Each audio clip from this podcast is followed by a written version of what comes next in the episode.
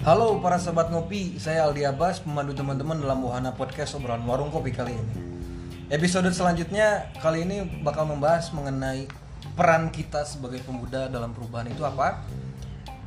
Kembali lagi kami ingatkan bahwa kami bukanlah ahli, seluruh perkataan yang keluar merupakan hasil observasi dan pendapat pribadi yang pasti subjektif. Seluruh argumen dan materi perlu ditelaah sebelum sobat ngopi terima sebagai sebuah kebenaran. Dua episode ke belakang kita membahas tentang perubahan, kita membahas tentang eh, kondisi kita di mana dan perubahan yang dibutuhkan itu apa. Sebenarnya semuanya jatuh pada satu kata mental. Eh, dan tanpa menyalahkan lingkungan tempat kita berdiri, kita menjadi seperti ini adalah proses dari asimilasi setiap apa yang kita dapatkan. Nah, kita bakal ngebahas terutama peran kita sebagai pemuda itu apa dalam bahtera perubahan ini. Teman-teman, kita balik lagi bareng Mang Aye, ada Mang Baron sama Mang Dongo. Kita bakal membahas peran kita sebagai pemuda itu apa. Silakan, ada yang mau membuka. peran perubahan untuk pemuda Dibalik. apa peran eh, peran perubahan untuk peran pemuda perubahan peran pemuda Untuk untuk Perubahan. perubahan kamu bisa aja iya dari Telkomsel. ngecek fokus kan kalau menurut saya ya pendapat saya ya bergerak gitu Bergerak. jangan, jangan males jangan mager walaupun saya sendiri juga masih merasa seperti itu sama sama. Eh, jangan jangan jangan menilai orang lain atau menyuruh orang lain untuk berubah ya dari diri diri sendiri dulu Mhm. melakukan perubahan ya ber ya dari dari dari hal kecil berkelakuan baik mungkin ya di Mantap. lingkungan sekitar Di lingkungan sekitar. Di lingkungan yang dekat ini. Ah, terus berbahasa yang benar Betul, setuju. Karena bahasa mah tidak membeli ya. ya Bahasa dan terutama yang zaman anak zaman sekarang tuh yang berat tuh apa sopan Nah, Nah, toksiknya itu loh, Pak. sopan Iya. toksik gitu kan Iya. ya itu kalau saya Oke, berarti gimana caranya kita bisa bergerak dari diri sendiri, mempengaruhi sekitar kita, terutama bocah-bocah toksik. soalnya kan ada ada pepatah seperti kalau kita gaul sama tukang minyak wangi Mhm. kan apa Ah, harum iya, gitu. iya, iya, jadi kita kalau harum. misalnya kita baik eh, mungkin orang sekitar juga bakal ikut baik Amin, Iya, betul, iya. betul, Iya. betul. Mantap. Subhanallah. Subhanallah. Ya, seperti itulah betul betul betul, setuju. Eh, itu mungkin dari Mang Baron pembukaan bagaimana dengan Mang dan Mang Dungu. ya eh, ses- sepakat untuk masalah apa namanya dari diri sendiri itu betul Dari diri. harus bukan betul harus Harus gitu, malah ya. harus dimulai lah dimulai. meskipun belum ya dimulai niat. Walaupun niat. Gak apa-apa gitu. Gak apa-apa. Niat dulu aja Niat gitu. niat dulu. aja.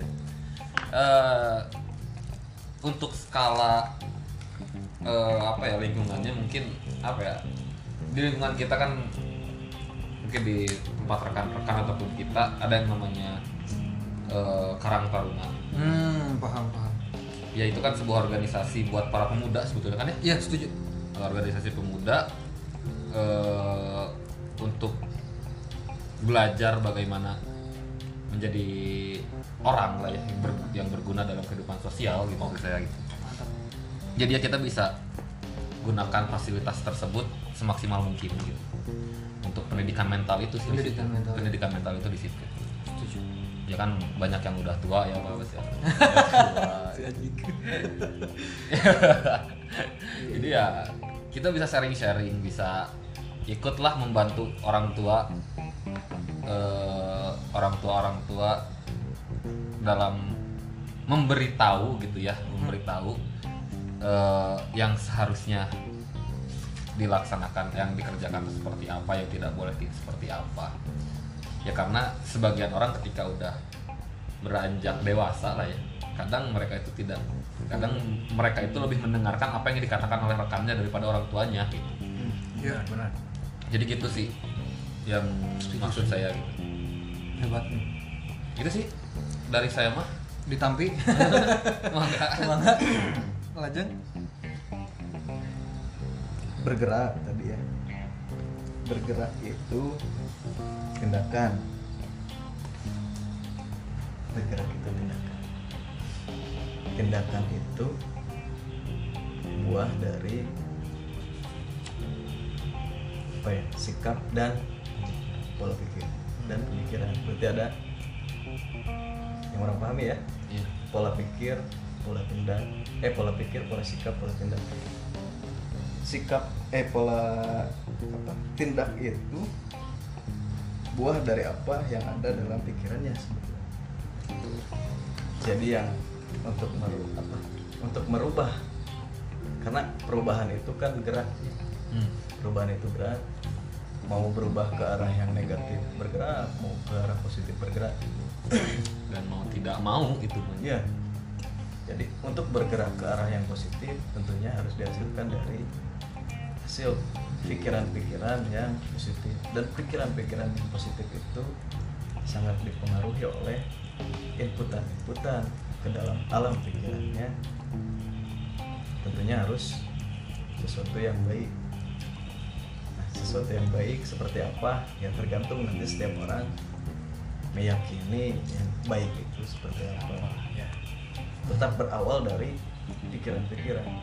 Perbuatan kotor berawal dari pikiran. Kotor itu hanya buah ya. Perbuatan itu buah dari pikiran. Nanti suatu lingkungan baik atau buruk berarti secara kalau kalau lingkungan itu buruk secara kolektif alam pikiran yang ada di satu lingkungan itu buruk